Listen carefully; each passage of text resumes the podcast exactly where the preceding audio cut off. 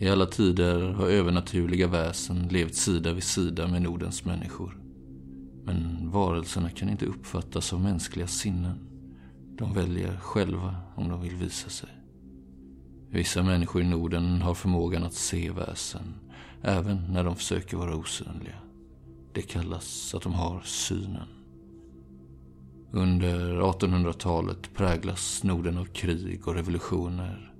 Men framförallt är det industrialiseringen som förändrar hur människor lever sina liv. Vilket har lett till urbanisering och en ny religion kallad marknadskraft. Även Nordens väsen förändras. I takt med att människorna glömmer de gamla reglerna och traditionerna har Nordens väsen blivit aggressiva och blodtörstiga.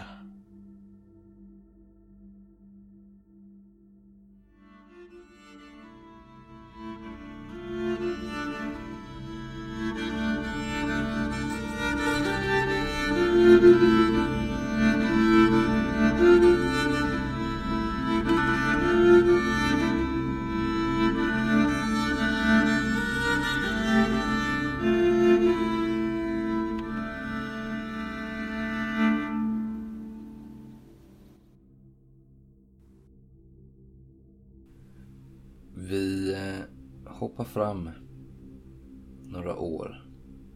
Året är 1867. Det är sent i oktober. Och eh, vi introducerar Eriks rollperson. Ludwig von Kaiserling. Är det inte så Erik? Ludwig Gottfried Wolfgang von Kaiserling. Det är mitt fulla namn. Det stämmer. Du sitter just nu på en eh, färja. En ångbåt. Mindre storlek i Stockholms skärgård. På väg ut till eh, en ö som heter Ornö. Och eh, vad gör du där Ludvig? Ja, för ett år sedan så befann jag mig i, i det tyska enhetskriget. Nu har jag väl känt att jag vill tillbaks till mina rötter. Jag är ju trots allt född och uppvuxen i, i Sverige. Och eh, för lite sen när jag kom tillbaka till Stockholm så fick jag höra om ett väsen ute i skärgården. Och med min nya syn som jag då har fått så kände jag att jag behövde inspektera det här. Jag har ju, jag känner någon slags, någon slags kall i mig. Att jag ska... Jag ser ju saker som andra inte ser. Det är ganska nytt för mig det här. Mm. Men därför har jag begett mig ut för att hitta det här. Om det är sant eller inte. Men du är medelålders. Ja, 44 år är jag just nu. Kort bara, vad, vad gjorde du i, i det här kriget då? Om, om du är svensk. Vad gjorde du i... Nej, jag, jag är ju svensk men samtidigt så är jag ju då medborgare i storhertigdömet Mecklenburg-Schwerin. Vilket stod på Preussens sida i det tyska inbördeskriget. Eh, Så min roll var ju som officer, kapten i eh, dragonregementet. Du har adlig bakgrund. Ja, har jag. Min far var ambassadör i Sverige. Det var Just det. därför vi fick flytta dit. Ja, okej. Mm. Men nu är du i alla fall tillbaka i eh, Sverige. Precis. Eh, ja, kort kan man väl säga då att han, han blev uppväxt i Sverige när hans far flyttade dit. Sen när han eh, blev utbildad som officer så tog han sig ner på kontinenten och deltog i krig på tyskarnas sida egentligen. På Mm. tyska för, förbundet. Som numera är upplöst och heter eh, Nordtyska förbundet. Mm. Men det ligger ju en eh, större union i eh, vardande. Det snackas ju mycket om det och Mm. Preussen är ju såklart ledande där. Vill få till ett stort Tyskland, ett enat Tyskland och det, det är nog inte långt bort nu. Nej, alla tänker väl att det är bara en fråga om tid. Det är en eh, grå och väldigt mulen senhöstdag. Eh, det är väl mitt på dagen egentligen men det känns som att det är framåt kvällningen för det, det är någonting med ljuset liksom. Vattnet är ganska stilla, ni guppar fram. Ni har eh, passerat Jungfrufjärden och eh, på väg ut mot eh, Ornö då. Det är en del passagerare på det här. Det är en linjefärja liksom. Mm. Den går inte jätteofta men eh, Vilka är det som reser då? Är det de som bor, bor på ön bara? ja, Som handlar i, i Stockholm då? ja precis. Det är ju många, det är mycket handlare som fraktar livsmedel som ska ut till öarna. Det, är, det finns ju bofasta eh, redan med den här tiden ute i skärgården. Det har det väl alltid gjort. Och sen är det väl folk som bor som kanske pendlar in till staden då och då. Ibland ser du några, det är hela familjer. Men de droppar ju av en efter en. Du ska ju ganska långt ut. För det är inte sådana här kurorter på öarna. Jo, på, som, på sommaren. Sommaren ja, men nu är det oktober så det är inte som Precis, turister så- direkt. Du ser ju nästan framför dig hur du skulle kunna se herrar och damer i såna här vita paraplyer stå längs relingen och Ja. gassa i solen. Men det är det ju inte nu utan det är en helt annan typ av personer som eh, befolkar de här båtarna nu. Den, är väl halvtom och som sagt eh, ju längre ut ni kommer desto fler bryggor ni passerar. Desto färre folk är det kvar liksom. Mm.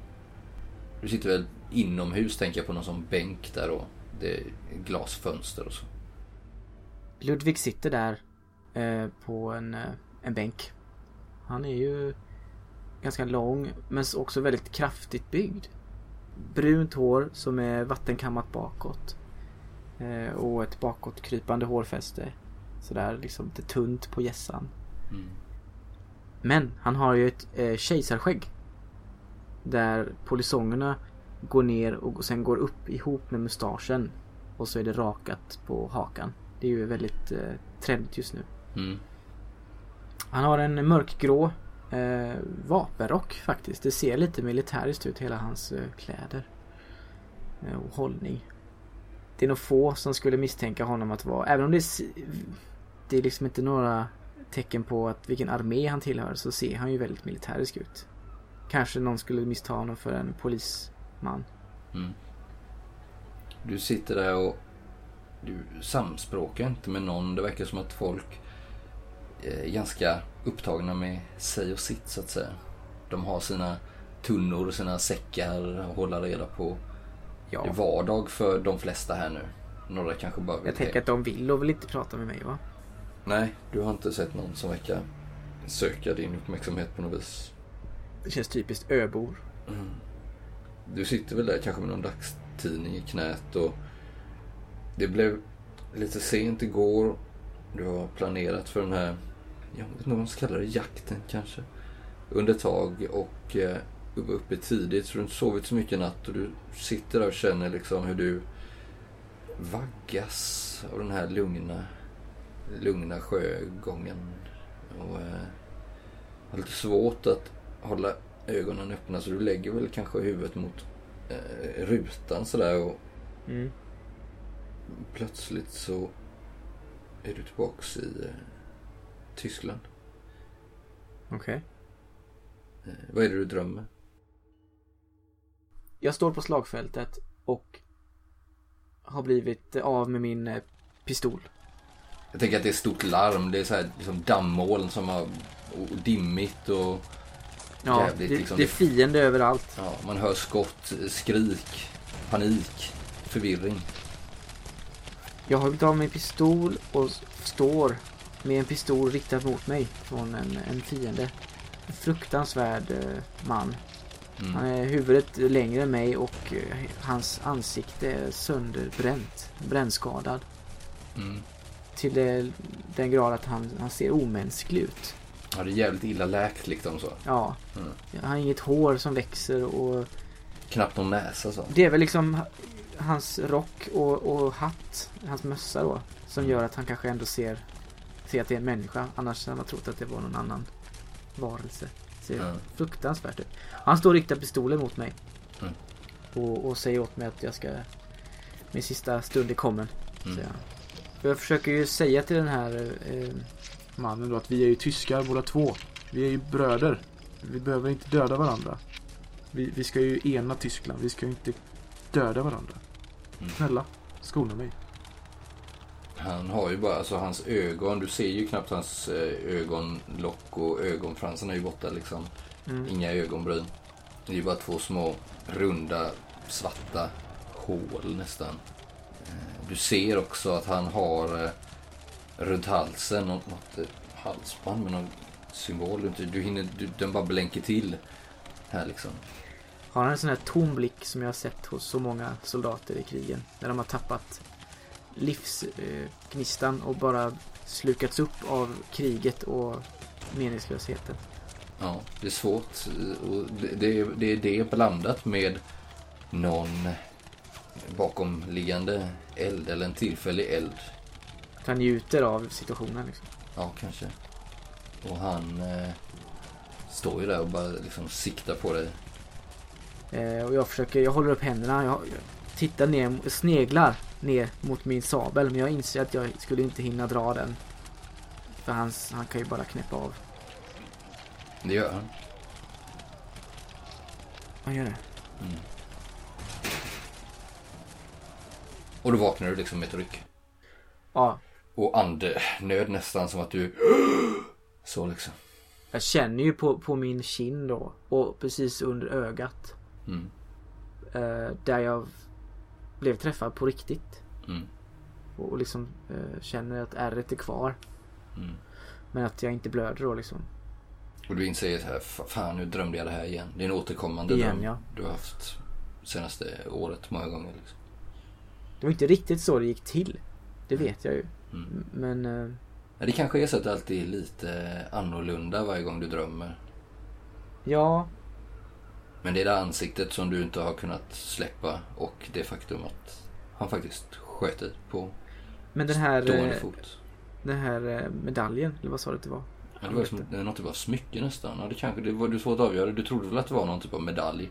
Fast han Är, är det första gången jag drömmer om den? Nej, den har varit där innan också ibland. Mm. Du kommer inte ihåg, du, ser, du har- hinner aldrig se och du, du kanske tänker så här, nästa gång ska jag se vad det är för symbol liksom. För du känner att det har, har någon betydelse liksom. Nej. Ja, ja jag eh, försöker väl samla mig där och när jag inser att jag drömt. Kolla om någon har sett mig och att hört mig eh, när jag hoppade till och lät eller sådär. Du ser faktiskt, du är helt nyvaken här nu då. Mm. I eh, dörren som leder ut på däck så står det en, en gammal gumma. Ja. Ganska liten och krokig, tanig. Med vid eh, kjol, något sånt eh, förkläde där och liksom. Som man hade och en sånt huckle med en stor sjal över axlarna så. Mm. Mörk eh, klädd. Ganska, ganska fina tyger ändå liksom. Och ser inte ut som en fattig gumma. Kanske låter som när jag beskriver det men den typen av kläder fast finare tyger. Står och Mm. tittar på det och du... Hon är väldigt gammal. Nästan så du tänker att hon är hon ute här själv liksom och åker. Mm. Och Hon, hon, har, hon har ingenting med sig då. Man kan se. Nej, hon verkar inte ha, skulle- nej, hon verkar inte ha någon packning. Eh, inte som du ser. Hon står som sagt i dörren. Väldigt rynkig. Eh, små eh, plirande ögon. Och du har svårt att se om hon ger dig ett litet leende. Eller om hon tittar på dig med någon typ av förundran. Eller äckel. Det är lite svårt liksom. Jag tror att jag, jag reser på mig och går ut. Mm. Ta luft. Tänker att det är något som, som en kupé eller? Ja, det blir det ju. Vind med vindskydd och så. Så jag går ut på, på däck och, Mm. och precis innan så tänder jag en pipa. Mm. Innan jag går ut i blåsten liksom och så ställer jag mig där istället. Tar en frisk luft. Och tänker på... Jag tänker på min familj. Mm. Jag tänker på mina syskon som blev kvar i Sverige. Mm. Det var ju bland det första jag gjorde då när jag, åkte, när jag kom fram till Stockholm. Mm. Att jag eh, skickade brev eh, och sa att jag var här och att eh, jag vill gärna träffa dem. Men jag har inte, innan jag fick svar så, så när jag väntade då så gav jag mig av på den här resan. Så jag undrar ju lite var, var de håller hus och hur de mår och sådär. Du har ju, kan vi sticka in, eh, ganska stor släkt. Den här Kaiserling. Utspridd över hela norra Europa. Det är väl egentligen bara din far då kanske som har varit i, som är bosatt i Sverige men sen så även i norra Tyskland och du har någon eh, kusin på Ösel utanför Estland och sådär också som du inte har hört av på ett tag. Nej men de har varit, hela, hela släkten är väl ganska berest tänker jag. Mm. Nej, men de, de har gjort en politisk karriär kan man väl säga. Mm. Du står där och tittar ut på det här mörka, skulle du säga nu, vattnet som skvalpar mot ångaren. Är det någon sån lykta som går Ja visst, det är det ju. från uppifrån eh, förarhytten eller? Mm. Och nu har det blivit lite mer, inte det här lugna vattnet utan nu börjar ni komma ut och du säger att det inte är så jättemånga kvar på båten här nu. Som tur var har du inte missat din station men du är nog framme snart. Jag drar åt min kapott Mm. och, och knyter den eh, så att jag ska vara skyddad från väder och vind. Kanske börjar duggregna lite sådär. Mm, mm. Det här, det här regnet som är väldigt smått men man blir jätteblöt av. Ja, precis. Vi klipper det.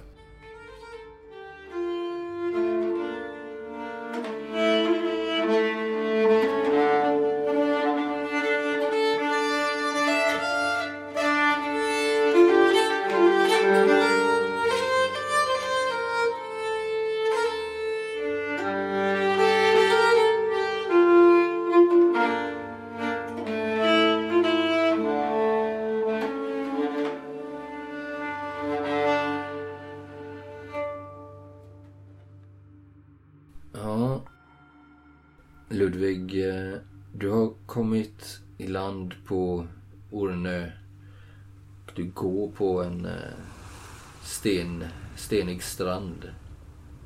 Det är eh, en ganska stor ö det här.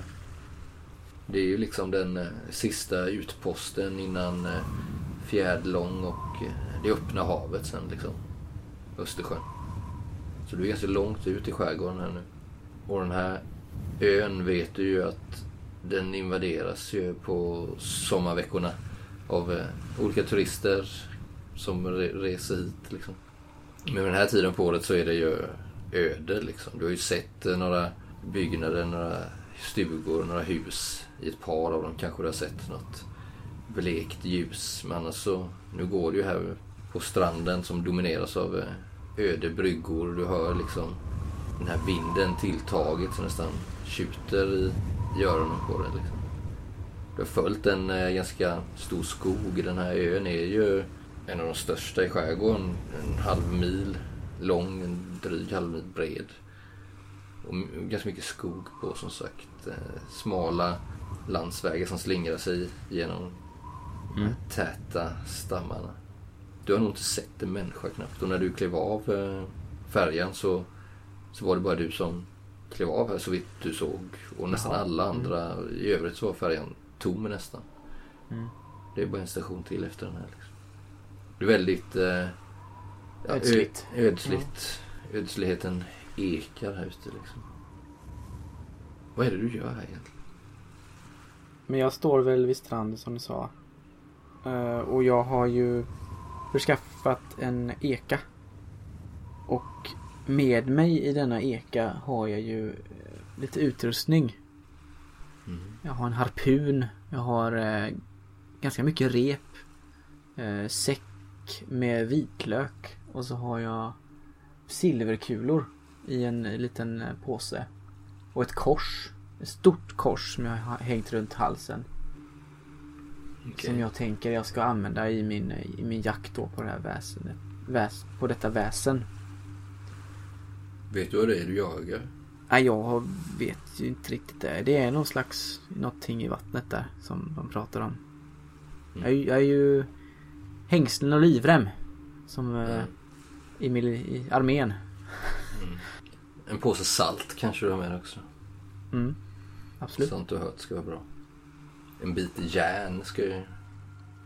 Tänker att jag får, jag får väl se vad som funkar. Mm. Jag får ta det som det kommer. Så brukar det vara. Mm. Så jag är ju kanske lite naiv. Men modig. Tänker jag. Mm. Järv. Sen när jag kastar i den här sista säcken med, med salt. Så säger jag högt. För mig själv. där ute på stranden. Jag, jag är liksom van vid det tydligen. Så säger jag högt för mig själv. Han kastade i säcken med salt. Såg sig om ut mot horisonten. Och han kände ett lugn. Sen tar jag ett djupt andetag och, och kliver upp i båten. Precis när du ska ta det här klivet så hör du stenar som rör sig som att någon eh, trampar på det. Inte långt bakom dig liksom. Sätter ju handen instinktivt på saben. Du kanske också hör nästan ett så här... Någon som så här fnittrar till lite.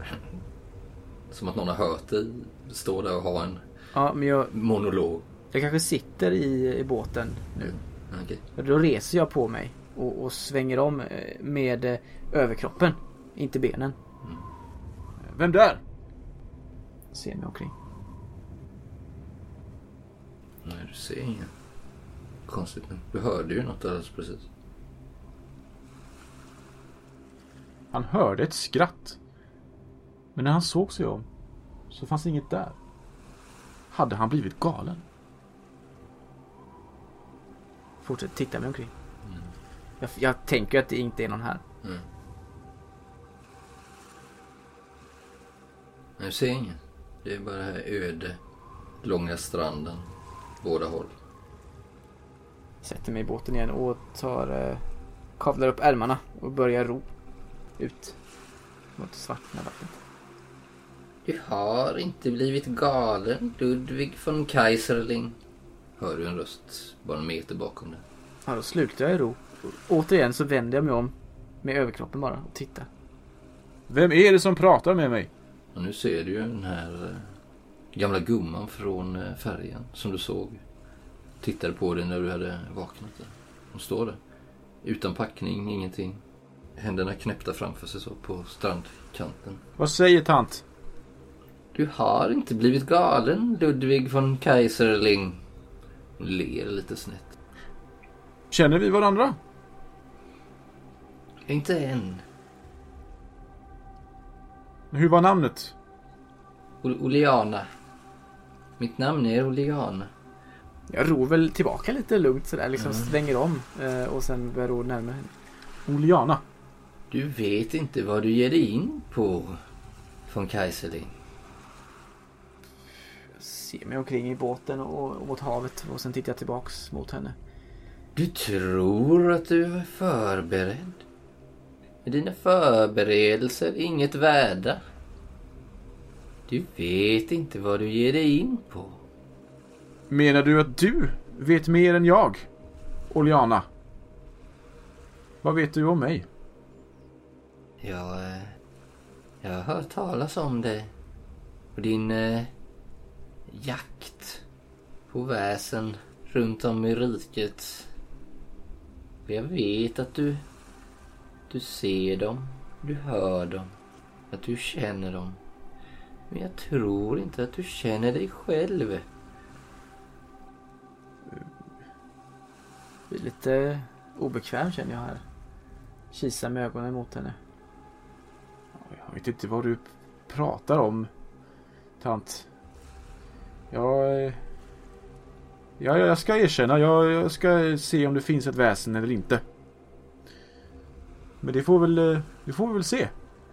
Hon står bara och tittar på dig med lugn, eh, lugn blick. Det finns kanske en eh, oro där någonstans. Men ändå ett snett leende. Du har lite svårt att avgöra om hon ser om hon ser snäll ut eller om hon ser obehaglig ut. Det pendlar lite så här beroende på hur ljuset faller över hennes djupt fårade, rynkiga ansikte med de här små pliriga ögonen. Ganska brett ansikte så.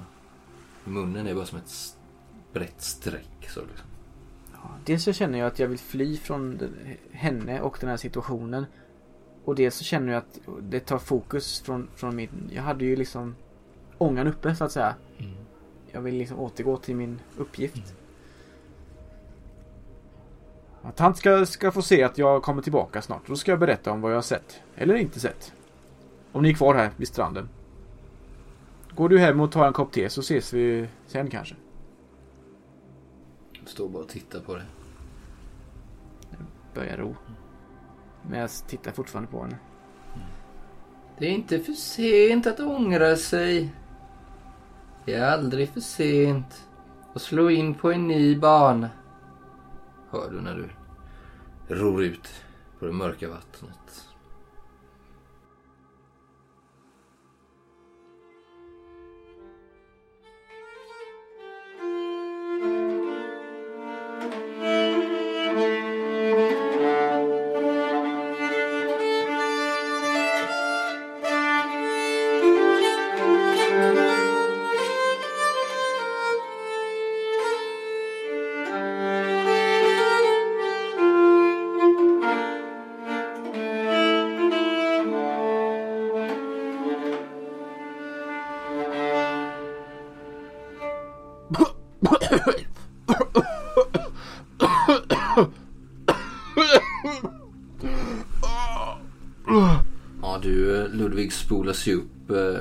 Stranden igen, den här stenstranden.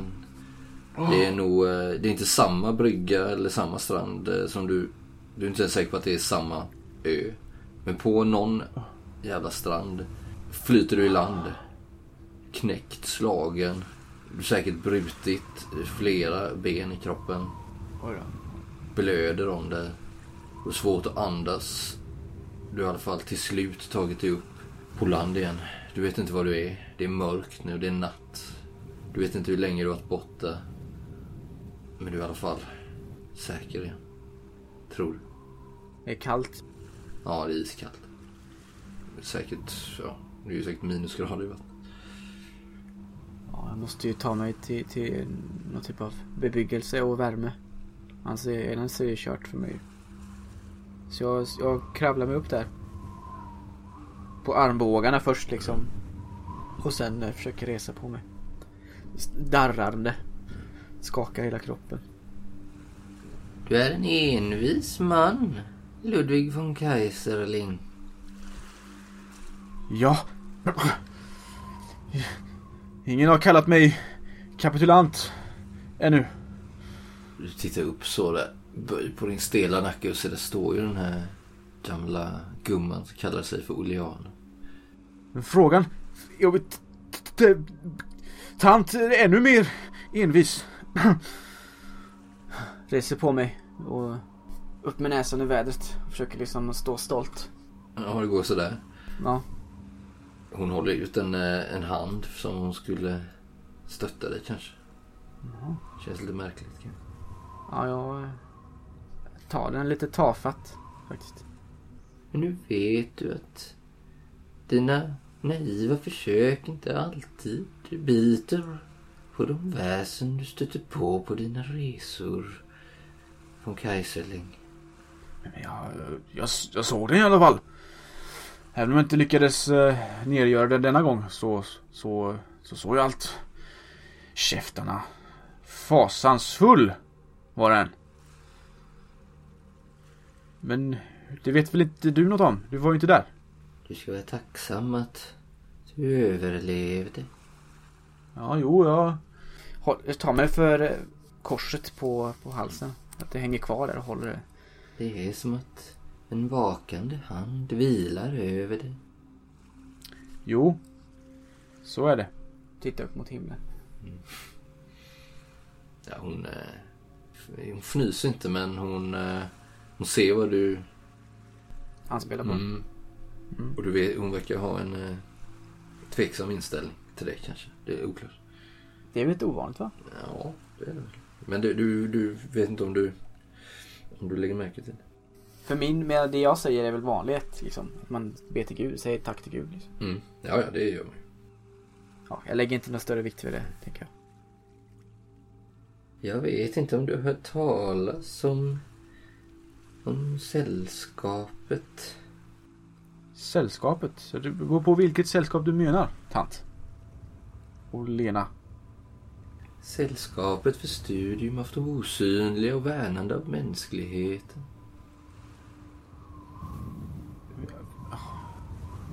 Nej, det, jag kan inte säga att jag har uh, hört talas om detta. För att, Står där och huttrar. Jag är nu för tiden den enda medlemmen kvar i sällskapet. Men Synar henne upp och ner jag vill påstå att mina kunskaper är omfångsrika. Och jag tror att sällskapet skulle kunna ha nytta av en sådan som du, herr von Kaiserling. Och att inte minst du skulle kunna ha nytta av sällskapet. Jag vet inte om du är i stånd att tala närmare om saken men jag har mina öron på flera ställen över vårt avlånga rike och jag försöker sista kraftansträngning innan jag stiger över till den andra sidan att kanske återupprätta det som en gång var ett stolt och ja, högst värdefullt sällskap. Ja. Eh, du och Lena, jag... jag eh, som, du, som du säger, jag, jag är lite frusen och eh, överrumplad av händelserna. Och, och eh, det här sällskapet, ja. Jag... eh, Jag har en jag har en stuga lite längre upp på strandkanten här där vi kan sätta oss och tala. Om du följer Kan, med kan vi göra det och tala mer om det här sällskapet? ska du få något varmt att dricka. En varm eld. Jag skulle vara väldigt tacksam för det. Och så ska jag berätta för dig om sällskapet. Ja, ja. Då gör vi så, von Kaiserling.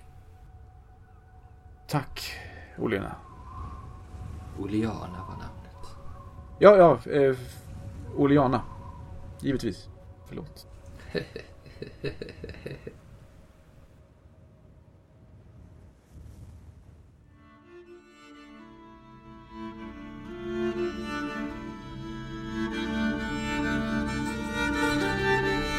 Ja,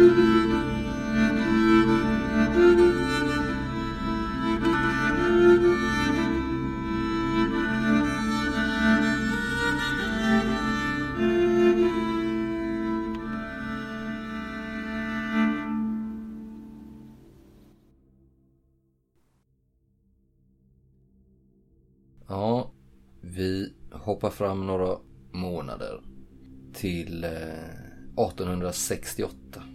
Det är januari. Och eh, Daniel, du spelar en rollperson vid namn eh, Hanok Dryselius. Det stämmer. Vad är det för en man?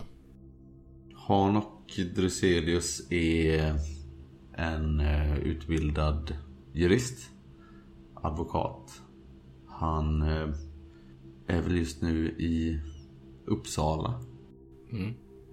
En eh, ganska tanig, spenslig man i 30-årsåldern. Glasögon. Välkammat hår. Lite underbett, kanske. Ja, okej.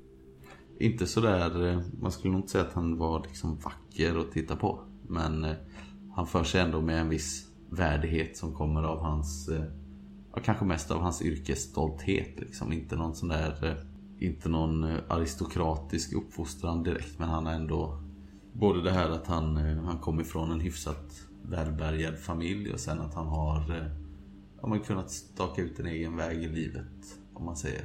Han har utbildat sig, han har arbetat som auditör på Västmanlands regemente. Nu tills han var tvungen att flytta till Uppsala. Vad innebär det för de som inte vet? Hans yrke?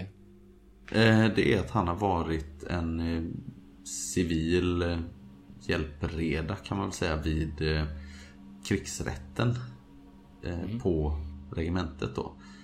Så han har egentligen, det han har gjort är att han har styrkt straffen som har dömts ut i krigsrättsmål då oftast nu i och med att det är väl fredstid antar jag som han har Ja, ja, jobbat visst. det mesta. länge.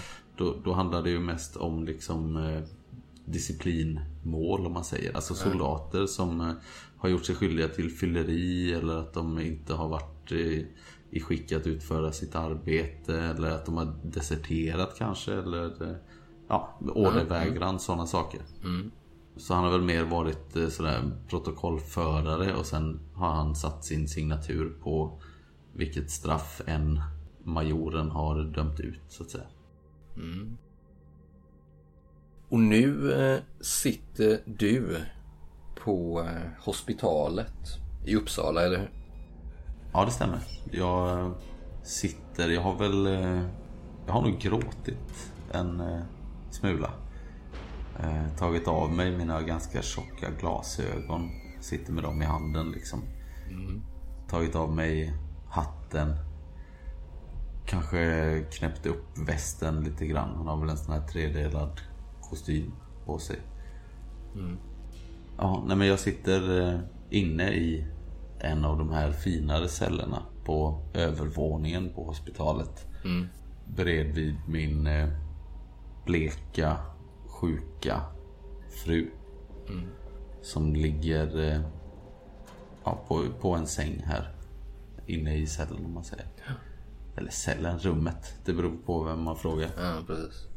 Det här hospitalet det är ju en eh, ganska gammal, eller väldigt gammal, eh, ganska vacker byggnad egentligen utifrån sett. Eh, tegel eh, fast vitmålad. Eh, utifrån sett är den vacker tänker jag med kolonner, eh, valvbågar lite så. Omgärdat av ett svart järnstaket. Lite på en höjd så här så man kan blicka ut över Uppsala. Det här ligger liksom i södra Uppsala precis intill Fyrisån.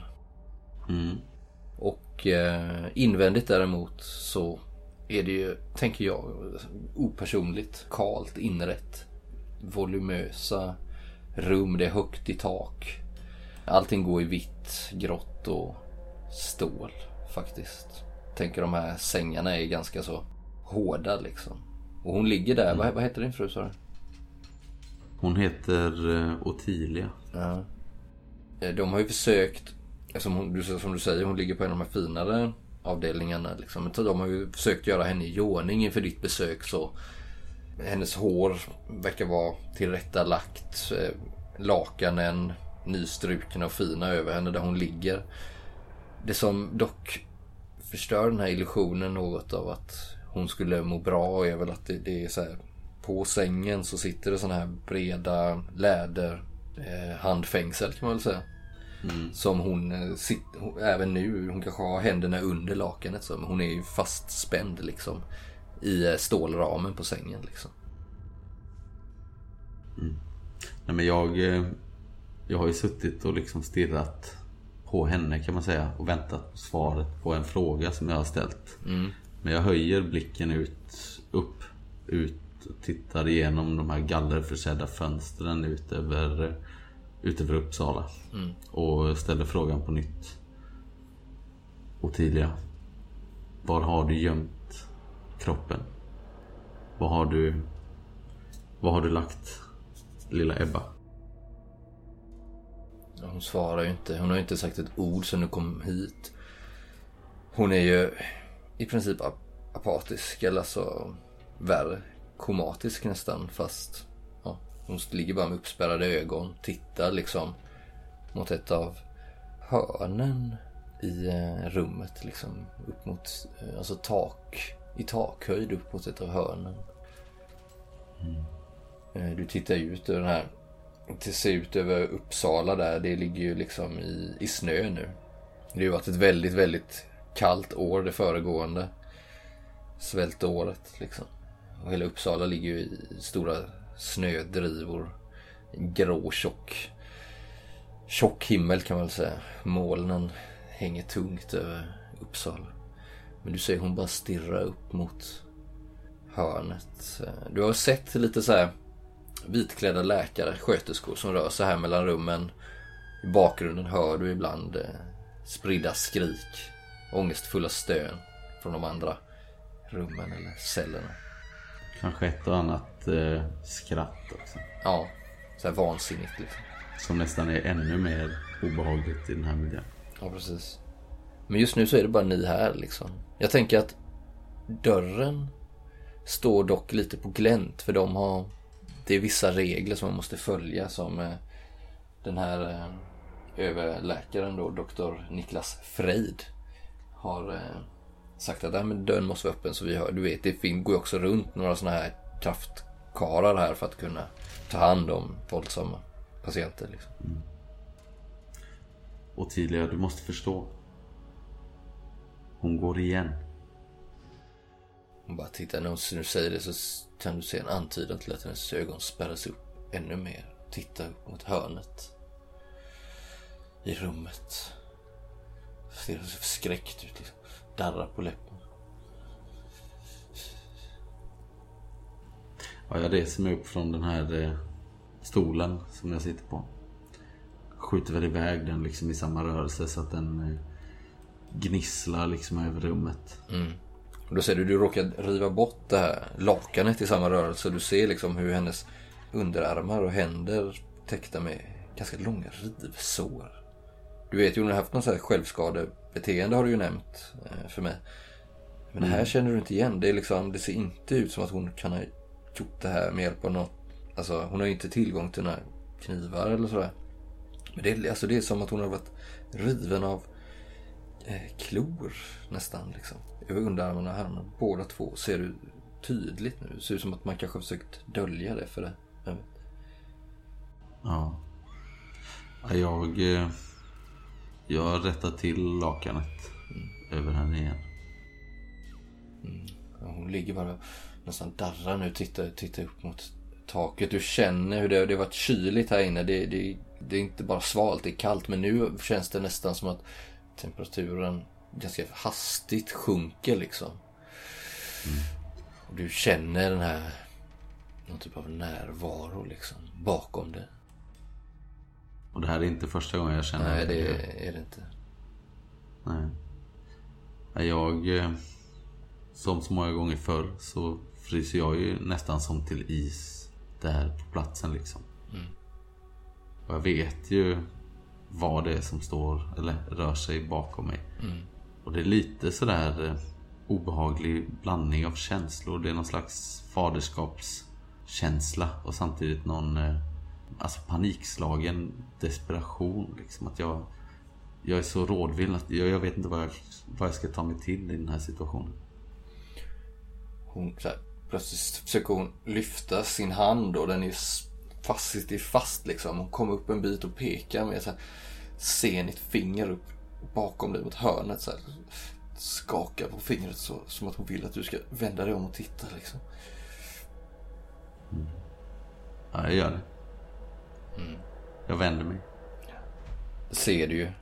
Återigen. Jag vet inte vilken gång i ordningen.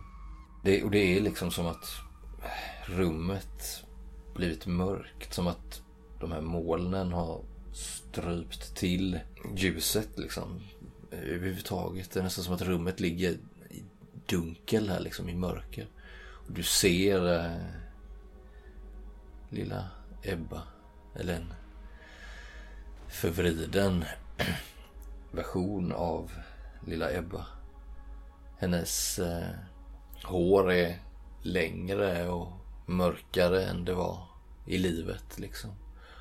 Och hon står inte utan hon liksom svävar nästan ända upp i hörnet med två eh, korpsvarta vingar eh, utslagna. Som att det är de som får henne att sväva fast hon flaxar liksom inte. Utan... Och så klädd i, trasor bara liksom. Hon är ju bara ett spädbarn. Inte mer än ett par månader gammal va? Ottilia, du måste förstå, det är inte bara du som blir straffad. Det är jag som lider för dina brott.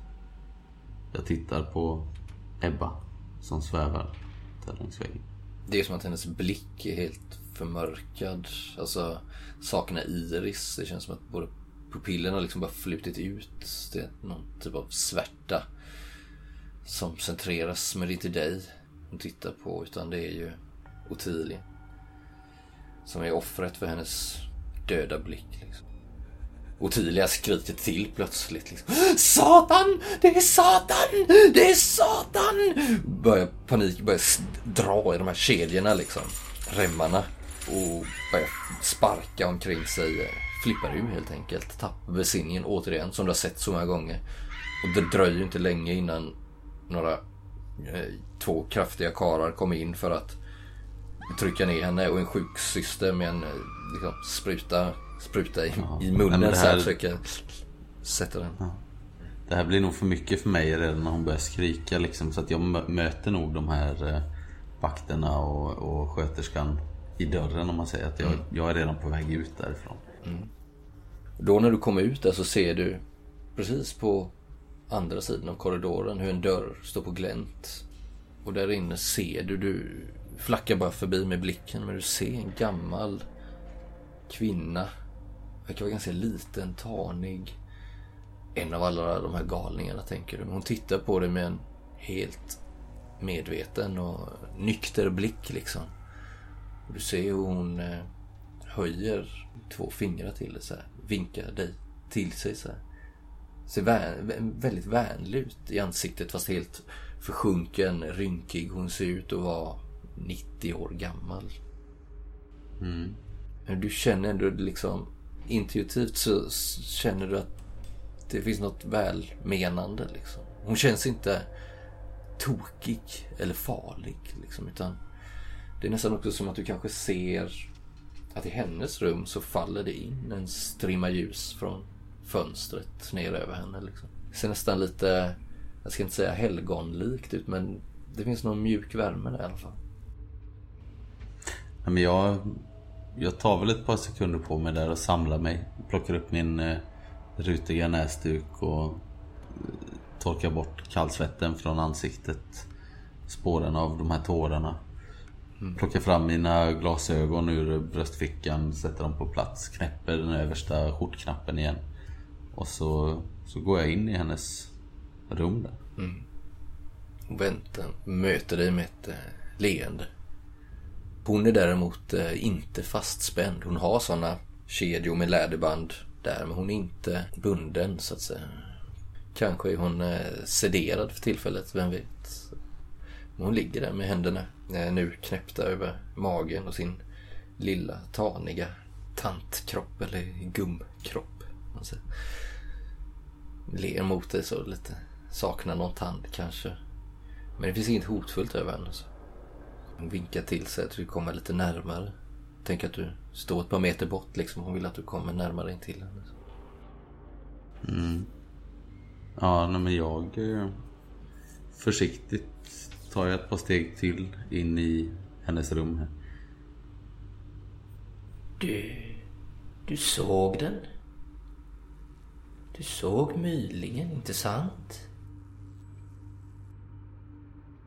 Det är mitt barn. Ja.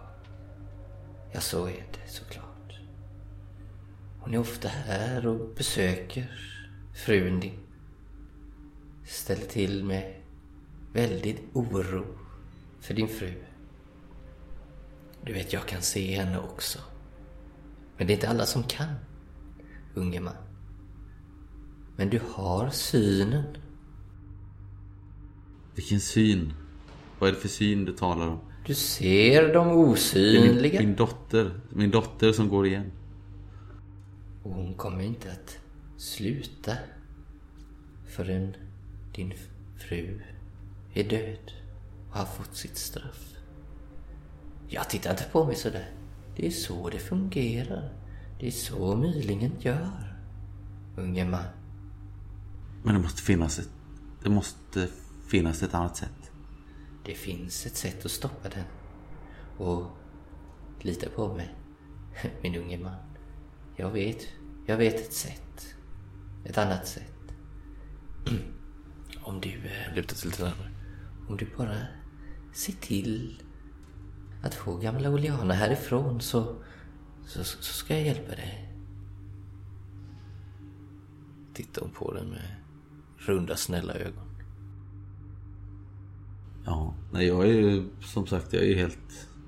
Helt nedbruten, helt desperat. Så att jag... Jag tvekar inte en sekund. Liksom. Ranok,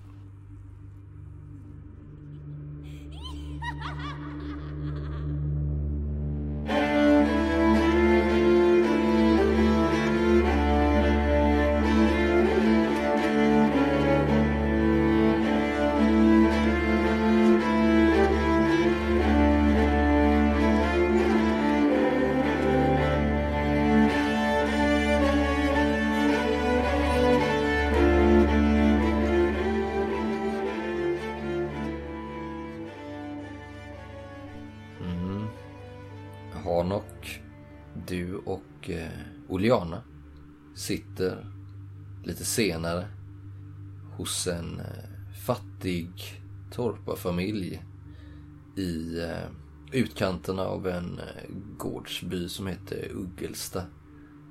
Nordväst om Uppsala, inte så långt ifrån. Du har nu på kort tid fått veta att den här kvinnan, gamlingen Oliana, hon har berättat för dig att hon är medlem i något som heter Sällskapet för studium av de osynliga och värnande av mänskligheten. Ett sällskap som hon uppenbarligen är den enda sista medlemmen i. Det har hon berättat under tiden har tagit er ut hit. Nu är det sen eftermiddag. Kanske dagen efter scenen vi spelade nyss. Ja. Det här torpet är ett eh, väldigt fattigt hem. Det består liksom endast av ett rum som man kallar stuga. Stugan då liksom. Och sen så ja något förrum där då. Det är ett torvtak. Enkla plankor. Kalla vinden drar in här liksom. Man eldar väl så gott man kan i den lilla spisen. Genom eh, ett litet fönster så ser du en eh, stenig åker. Som, eh, under ett täcke av snö. En gammaldags plog står fortfarande kvar i eh, drivorna där utanför. Halvt begravd i snön.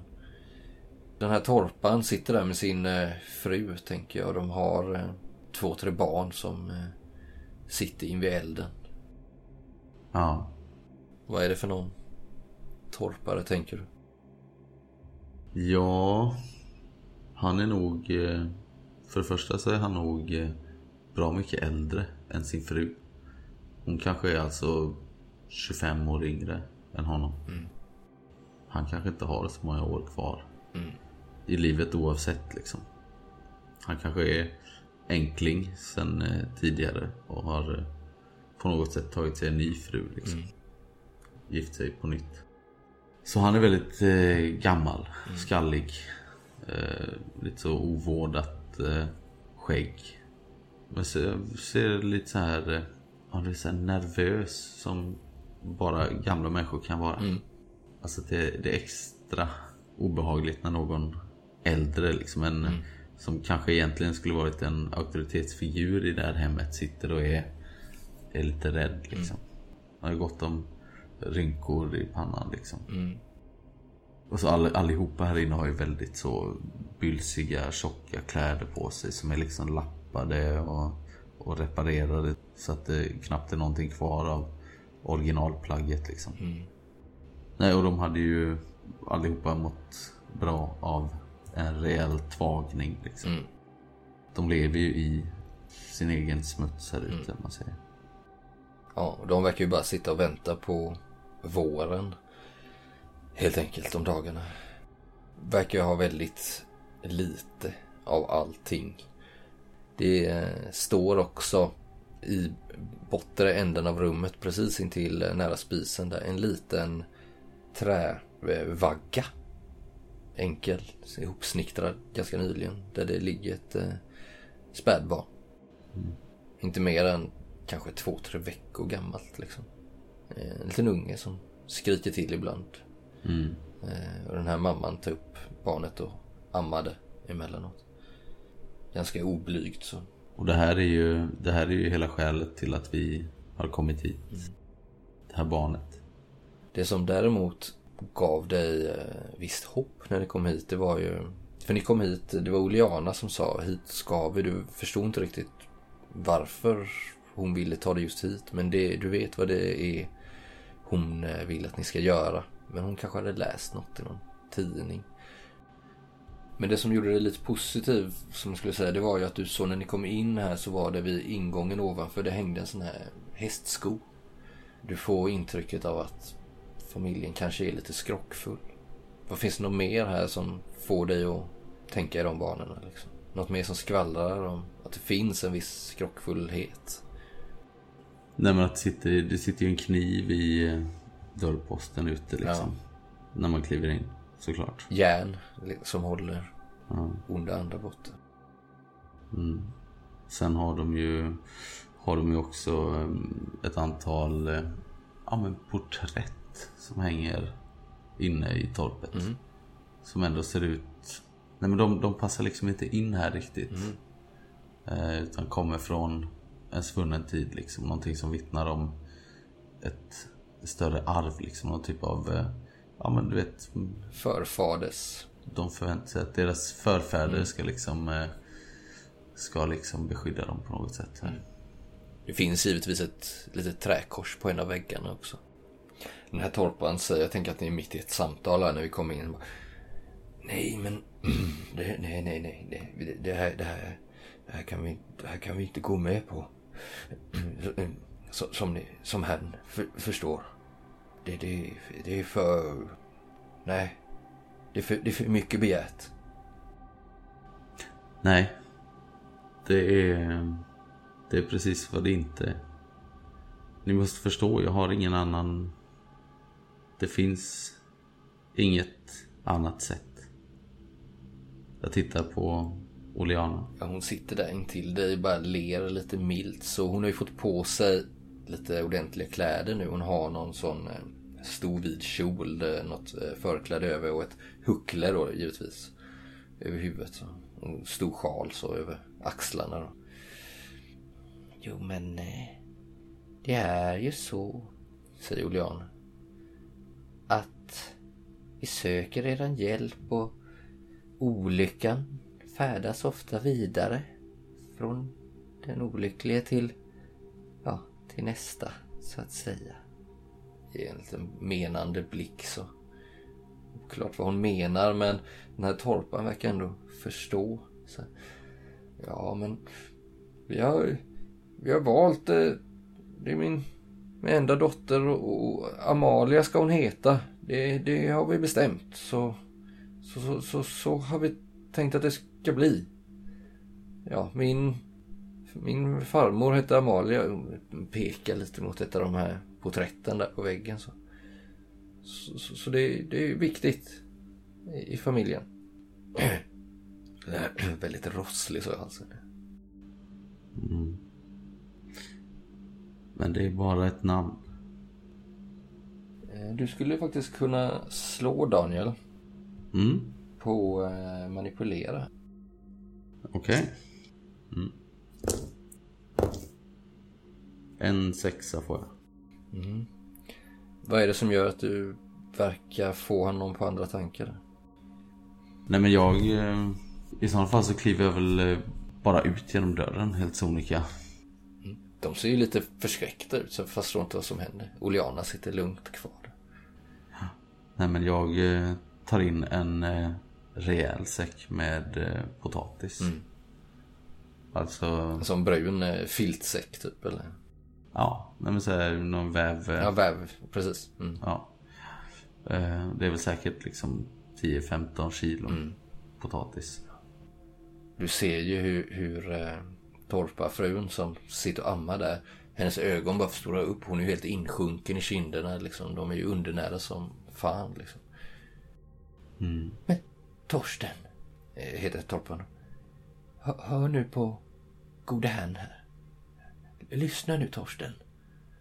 Ja, ja vad, vad ska du med säcken till? Som betalning. Ja, jag vet inte om det är... Ja, Torsten, säger hon. Ja, han knyter händerna nästan som till bön liksom. Lägger dem framför sig. Ja, om, om, om fru min säger det så, så, så får det bli så. Amalia Torstens dotter är namnet. Oleana lutar sig fram lite.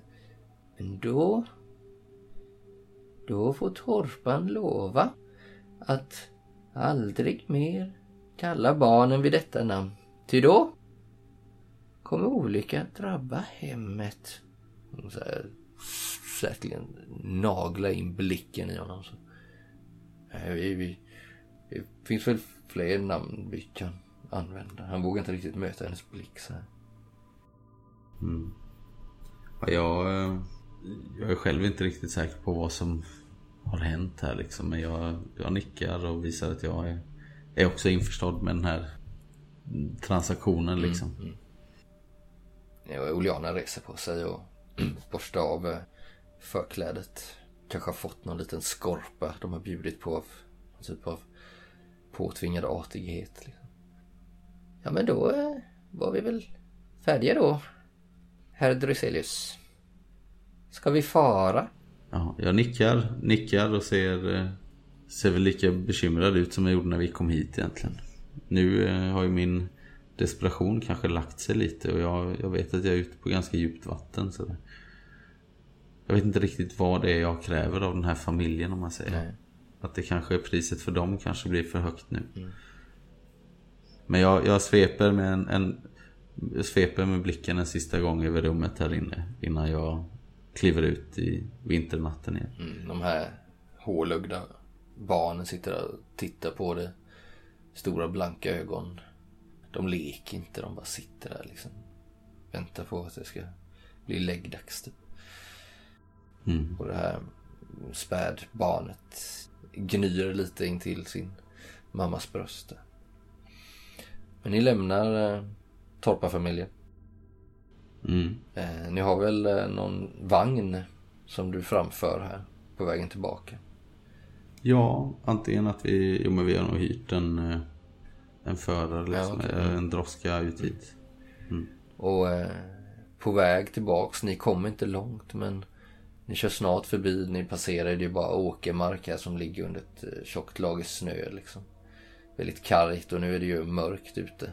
Ser ni när ni kör mm. förbi någon eh, gammal förfallen eh, kvarn, tänker jag. Som dess vingar har liksom till hälften fallit av eller fallit sönder. Liksom. Så ser du där på taket så sitter den här mylingen med vingarna uppspärrade. Och det är som att det nästan är ännu kompaktare mörker, något mörkt moln liksom runt det. Det är som att det är någonting som rinner, någon svart sörja liksom som rinner ifrån det också ner på kvarnen. Du ser eh, mylingen, lilla Ebba då, förvridna Ebba, verkar ha långa klor här nästan och som istället för fötter så är det som fågelklor som griper tag om kvarnens taknock där de sitter liksom. Tittar på er, följer er. Gör ett dyk, flyger ner över vagnen och så försvinner ut i natten. Ja, men jag följer den här eh, skuggvarelsen som flyger över eh, våran droska mm. med blicken liksom från ena fönstret till det andra. Sen vänder jag mig till eh, Oliana som sitter här i vagnen med mig. Hur, hur ska vi kunna, hur ska vi, hit, hur ska vi hitta henne? Min, min fru har aldrig, hon har aldrig avslöjat var hon gömde kroppen. Oliana sitter där helt lugn med ett, ett leende är väl att ta i men någon, en min som för att lugna dig. Typ. Du ser också att hon håller handen, sin beniga hand knuten kring något som verkar vara ett litet krucifix faktiskt. Och så säger hon så här bara med lugn röst. Så här, jag har, jag har hört din fru jämra sig om kvällarna, skrika. Säger dig ask Askträdet något? Askträdet? Ja.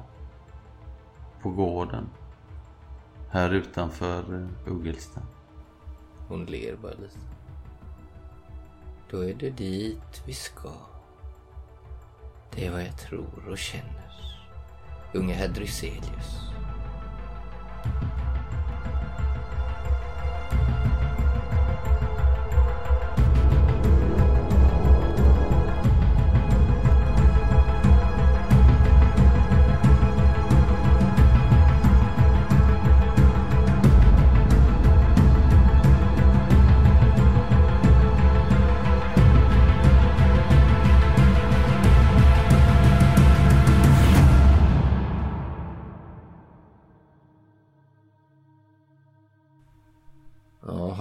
herr Jag tänker det är senare samma natt. så står eh, du, Oliana och en eh, outsägligt gammal man som Oliana påstår är präst. Han ser verkligen inte ut som en. Alltså för det första så är han ju väldigt gammal och skröplig. Liksom. Han bär ingen prästkåpa, inga andra tecken, ingen sån krage. Han har bara ett eh, överdimensionerat krucifix med sig i, i silver. Liksom. Tror att det kan vara någon annan metall, men du tror att det är silver. Det är så mörkt här nu, det är, det är natt, tänker jag. Vad är det ni har tagit er? Vi eh, har faktiskt stannat på vägen från Uggelsta tillbaka mot Uppsala. Jag har ju färdats den här vägen ett par gånger. Eh, och jag vet att här finns det en gammal eh, kyrkogård. Mm. Kyrkan brann ner för länge sedan. Mm. Men ett par nötta gravstenar där man inte längre kan utröna texten står fortfarande kvar nästan nere vid, vid vassen som är liksom i Fyrisåns eh, strandkant. Mm. Så vi står där, vi hör väl eh, pålandet från ån. Mm. Och det är väl mörkt liksom. Jag, jag går väl och bär på en lykta som är väl den enda belysningen här förutom stjärnorna. Mm. Jag tänker att kyrkan är som sagt borta för länge sedan. Mm. Det är bara ett par gravstenar kvar mm. liksom. Och mer har ni ju också då kvarlevor av eh, riktiga lilla Ebba då. Insvept i eh, ja, några gamla tyger. Jag vet inte om du har eh, pressat dig till att titta på det lilla liket men det är ju ganska långt gånget i förruttnelseprocessen så att säga. Det är väl, hur länge sedan är det? Ja, det är åtminstone en månad som har gått. Det, jag har svårt, att, svårt med eh, tidsbegrepp just nu sen allt det här hände. Liksom. Jag vet knappt själv hur lång tid som har passerat. Mm. Oliana kanske, om du har varit på väg och lätta på eh, svepningen så har nog hon avrått dig till det. Liksom. Du vet ju att eh, Ottilia ja, dränkte dottern helt enkelt. Och att det därför kanske inte är en trevlig syn. Vilket inte hade varit ändå såklart. Men det är som det är. Oliana plockar fram någonting. Hon har ju sin renselse. Och ser att det är eh, ett vitt tygstycke Troligtvis. Du, du tror väl kanske till och med sig någon stämpel. Men det verkar ju vara någon sån här, något lakan från eh, hospitalet. Du ser också att det är ett par eh, blod bloddroppar på det. Du antar att det är det. Det är väldigt mörkt där men i ljuset av din lykta så anar du väl det. Mm. Eh, Oliana berättar inte var blodet kommer ifrån. Men hon verkar förberedd. Det verkar som att hon visste att hon skulle hamna här. Och hon verkar förberedd för själva jordfästelsen. Det är viktigt att det går rätt till. Unge Dryselius. Och sen så håller du i Ebba eller? Ja, jag har nog henne som sagt insvept mm. i min famn liksom. Hon går fram till dig där och med öm hand så lägger hon det här tygstycket liksom. Virar det något varv eller två runt runt eh, barnets späda kropp. Prästen... Eh, ja, du hör knappt vad han säger liksom. Han är så gammal och skröplig. Men han eh, höjer handen till någon typ av välsignande gest mot luften. Du förstår att han välsignar platsen. För det verkar som att den här kyrkogården har väl en gång i tiden varit vigd men vad det är som har rört sig här de senaste hundra åren det är ingen som vet. Liksom. Så det finns ett behov av att viga jorden så att säga. Han kanske till och med har något eh, vigvatten med sig som han droppar lite så på marken. Ni har grävt ett hål där redan tänker jag. Mm. Där, eh, Ja, det är väl jag eh, som har gjort det, antar jag. ja, det står väl en spade där, en jordhög. Ja. Och du ska väl precis till att placera Ebbas kvarlevor där när du ser hur det från björkdungen inte långt bort ifrån sveper ner. Ja, det är ju den här mylingen liksom. Med vingarna utsträckta. Klorna höjda mot er. Som redo för attack liksom. Och här blir allting väldigt suddigt för dig. Det är som att ditt synfält begränsas till någon slags tunnelseende samtidigt som det här sker. Du är lamslagen. Eh, Du kan slå eh, skräck. Aha. Eh, Och du får då välja om du vill hantera situationen med eh, logik eller empati. Oj, ja. Jag tror inte att jag klarar att använda liksom mitt logiska tänkande i den här situationen. Så att jag får nog slå mot eh, empati. Mm. 3, 1, 4 och 3 slår jag. Då får du ta ett i skräck där. Och du, eh, du är ju liksom eh, chockad. Det är som att någonting har slängts på dig. Jag vet inte om du någonsin har känt den typen av panikartad skräck. Hur tänker du att du upplever det här? Den här ögonblicket när detta sker? Ja, nej men det är... Det här är ju det hemskaste jag har varit med om i hela mitt liksom 30 plus-åriga liv. Alltså jag är väl... Eh, om jag inte hade liksom frusit fast på platsen så hade jag ju kastat mig i ån liksom. För att komma undan det här. Men du står ju där med barnet i dina armar samtidigt också. Nej men jag vet ju att jag måste... Jag måste slutföra det här. För att inte längre bli plågad liksom. Men du är tillfälligt paralyserad. Du vet inte riktigt vad du ser. Du vet inte riktigt vad du hör. Men i bakgrunden så skvalar det ljud av eh, prästens... Ja, är det välsignelse eller förbannelse? Du vet inte. Och du hör, hör och ser eh, Oleana kliva fram. Höja ett, eh, ett kors mot den här varelsen. Säger någonting. Är det på latin kanske? Du vet inte. Det, det svamlar ihop sig för dig. Dina sinnen är inte riktigt med liksom. Prästen gör, eh, verkar tala färdigt sin salva som han eh, skjuter ur sig. Skrubblar. Lite så hör du bara liksom.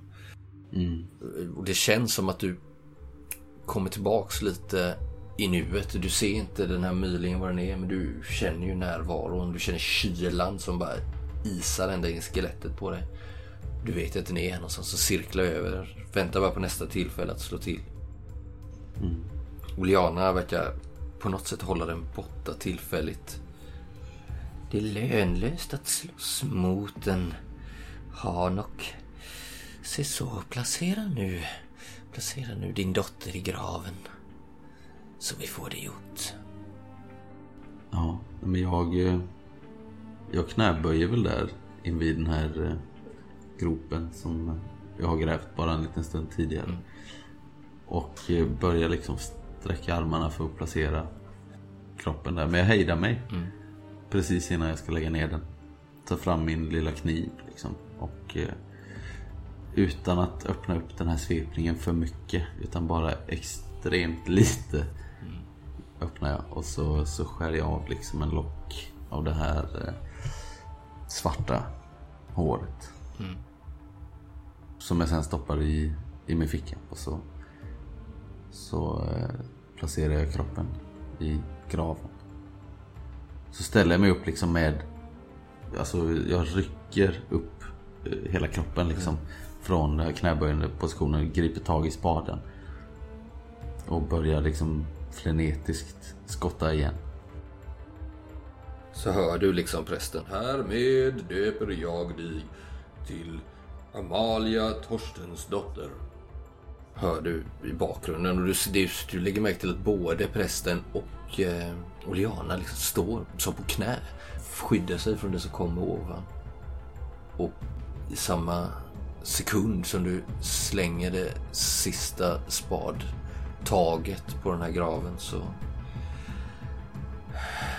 är det som att natten blir sig själv igen på något vis. Du ser några stjärnor på himlen nu som du inte sett tidigare. Det känns som att ett stort, stort, tungt moln drar förbi och eh, blottar stjärnhimlen igen. Det är extremt stjärnklart här på landet om vintern. Och eh, ni står där, du och Liana och den här gamla rangliga prästen som stödjer sig nu på någon käpp där för att ta sig därifrån.